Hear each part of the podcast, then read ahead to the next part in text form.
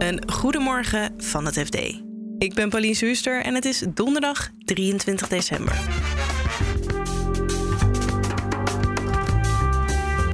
Bedrijven geven dit jaar meer geld uit aan sluikreclame dan ooit. Ze vechten om een plekje in series als Emily in Paris. En de partners van Zuidaskantoren zijn voor de fiscus ondernemer. En dat geeft wat belastingvoordelen. Dit mag allemaal, maar je kunt je altijd afvragen natuurlijk bij dit soort dingen... is het nou eigenlijk de bedoeling van de afspraken zoals we die met z'n allen hebben gemaakt? Dit is de dagkoers van het FD. Bedrijven zijn in deze tijd van adblockers en streaming hard op zoek naar manieren om hun producten te verkopen. En dus zie je merken steeds vaker verstopt in televisieseries en films. Volgens het Amerikaanse bedrijf Ben, de nummer 1 daar in product placement, is het een heuse renaissance. Julia Cornelissen, FD-redacteur Retail, legt uit waarom. Het is moeilijker voor bedrijven om ons naar reclames te laten kijken. Tegelijkertijd streamen we meer dan ooit, ook door de pandemie. Er wordt veel meer gemaakt, er wordt veel meer geld aan uh, grote producties uitgegeven. Ja. Dus dat maakt het voor bedrijven een hele goede manier om reclame te maken. Ja, en ik begrijp Emily in Paris, dat is wel een beetje het schoolvoorbeeld uh, van de product placement. Ja, dat is een serie die heel veel is bekeken. In 2020 was het een van de best bekeken series van Netflix over de hele wereld. En uh, ja, het viel mij op hoeveel, uh, hoeveel merken er in beeld komen. En het blijkt dus ook een van de series te zijn die, omdat het zo populair is, uh, gewild is bij bedrijven. Dus die willen daar heel graag hun product in kwijt. Ja, want voor iedereen die het niet heeft gezien, zij is stagiair of zij werkt in ja. de modebranche in Parijs. Ja, het gaat over een jonge vrouw die stage gaat lopen bij een marketingbureau in Parijs. Dat geloof ik veel modeklanten heeft. Ja, en is het dan ook zo dat we er uh, wat minder gevoelig voor zijn geraakt door bijvoorbeeld uh, dat mensen vlogs kijken waar mensen, oh kijk eens ja. wat een lekkere shampoo ik uh, gebruik. Ja, dat klopt. Ik dacht zelf van, nou, bedrijven moeten wel oppassen. Dat vroeg ik ook aan Ben. Van, het wordt toch snel echt heel erg ongemakkelijk in your face. Maar uh, zij zeiden dat het wel meevalt, omdat jongeren heel erg gewend zijn aan, uh, aan de hele dag producten in je gezicht geduwd krijgen. Dus die worden heel veel geïnfluenced. Op sociale media worden ze de hele tijd doodgegooid met producten. Bedrijven moeten wel opletten dat het niet gekunsteld wordt of helemaal niet in een verhaal past. En zij noemde een verhaal van uh, Hawaii 5 een politieserie waarin het ineens heel uitgebreid over Subway broodjes gaat.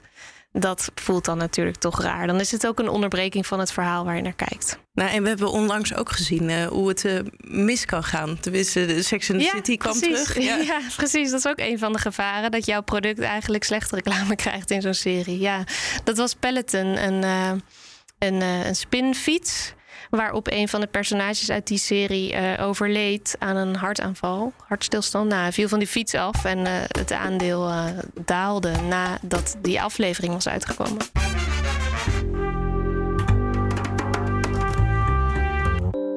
Partners van Zuidaskantoren zijn fiscaal gezien ondernemers. En dat model dat lokt uit dat de belastingafdracht wat langer kan duren. FD-redacteur Joris Polman dook verder in dit verdienmodel nadat twee partners van Deloitte en EY bij de rechter kwamen om een arbeidsgeschil en daarbij zeiden: we zijn helemaal geen ondernemer, wij zijn werknemer. En dat levert dan uh, een interessante vraag op over, uh, nou ja, wat, hoe, hoe wikkel je dan dat ontslag af? Maar onderliggend zijn we dus vervolgens gaan kijken van ja, hoe is dat nou eigenlijk geregeld voor die partners? Hoe worden ze nou betaald? En wat zijn eigenlijk de fiscale gevolgen van die constructie? Joris, zonder heel uh, technisch te worden, wil ik toch even gaan uitleggen aan de luisteraar hoe dat nou werkt als je partner bent bij zo'n kantoor. Dus laten we even zeggen, ik ben partner, ik krijg uh, zes ton winst uh, in een jaar. Wat moet of mag ik daar dan mee doen? Het kantoor waar jij uh, voor werkt heeft dan zeer waarschijnlijk een afspraak gemaakt met uh, de Belastingdienst. En die afspraak schrijft onder andere voor dat je dan een stukje daarvan aan jezelf moet uitkeren als salaris. Uh, ja. Daarover betaal je dan rechtstreeks aan de fiscus inkomstenbelasting. Uh, wij zijn voorbeelden tegengekomen van uh, als je iemand 6 ton heeft, dan, dan betaalt hij ongeveer 2 ton aan, aan salaris aan zichzelf. Maar bijvoorbeeld bij EY, om het even duidelijk te maken, daar heeft de bestverdienende partner had een inkomen van 1,7 miljoen als winst. En die betaalde zichzelf uiteindelijk 360.000 euro aan salaris. Dus dat is het eerste stukje wat je dan betaalt aan belasting. En het overige blijft dan in jouw BV zitten.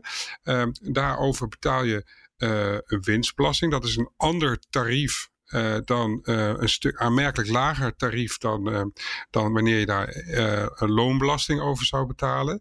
En uiteindelijk kun je dat dus in je BV laten zitten en bijvoorbeeld aan jezelf uitlenen. En als je dat doet tegen een marktconform tarief, dan hoef je daar in ieder geval op dat moment geen belasting over te betalen. Maar heb je dus wel toegang privé tot dat geld. Het is dus het probleem of het is het feit dat het vaak wordt opgepot in die BV. Maar dat wordt dan ook weer wel via een constructie uitgeleend. Ja, voor het goede begrip, hè? want uh, we moeten hier niet de indruk wekken dat wat er gebeurt illegaal is. Dat is niet zo. Dit mag allemaal.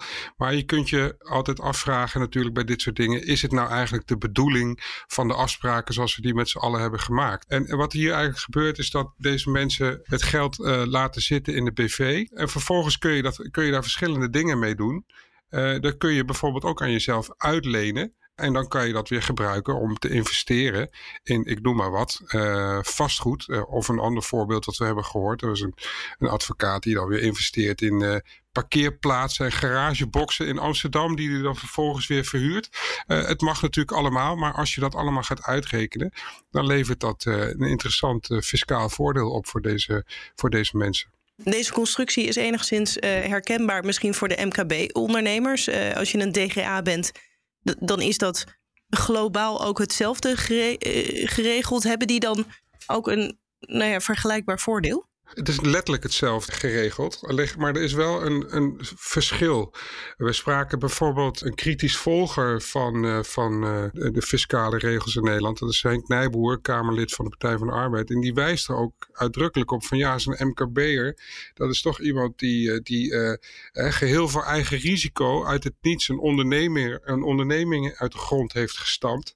En dat is voor zo'n partner natuurlijk toch een ander verhaal. Die heeft ten eerste een publieke taak, hè, van het uh, financiële economische verkeer. En uh, ja, is hij nou echt ondernemer of is hij is, is nou werknemer van, uh, van zo'n van zo'n firma? Hij mag geen personeel aannemen, hij heeft heel weinig persoonlijk risico. Dus dat is een heel ander uitgangspunt. En dat zou dan ook anders fiscaal moeten worden uh, benaderd, vindt bijvoorbeeld dit Kamerlid. Nou, daar gaat het debat dan ook een beetje over. Als we even teruggrijpen op die rechtszaken die er spelen, is het dan ook afwachten of die partners uiteindelijk werknemers gaan worden? Of moet ik het meer zoeken de oplossing of de verandering in um, het aanpassen van hoe dat werkt met het winstdeel en met de belastingen? De hele korte termijn is in ieder geval duidelijk dat het kabinet, het nieuwe kabinet moet ik dan zeggen, dat blijkt uit het nieuwe regeerakkoord, paal en perk wil gaan stellen aan het lenen uit die BV, hè, waar we het net al even over hadden. Daar komt een maximum van 7 ton uh, op. Uh, meer mag dan niet. Maar als het gaat om het aanpakken van,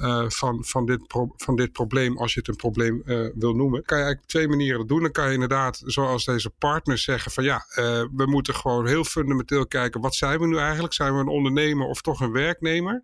Uh, als de rechter meegaat in hun visie van we zijn een werknemer, dan kom je dus automatisch te maken, krijg je automatisch te maken met een salaris in plaats van uh, een uitkeren van winst. En als je dus salaris krijgt, net zoals jij en ik, dan uh, moet je dat meteen afrekenen bij de Belastingdienst. Maar je kunt het ook anders benaderen. Je kunt ook zeggen van spreek nou in de wet een vast percentage af van wat je als partner, als überhaupt als ondernemer moet betalen aan de fiscus. Eh, van je winst. En als je dat percentage vastlegt, dan, kun je, dan heb je daar dus uh, politiek gezien draagvlak voor. En dan kan er ook nooit meer een misverstand over ontstaan. Of kunnen, en, uh, en, en kun je ook voorkomen dat er door het open einde wat er nu is, grote verschillen ontstaan tussen uh, partners die veel verdienen en, en tegelijkertijd dus maar heel weinig salaris aan zichzelf hoeven uit te keren.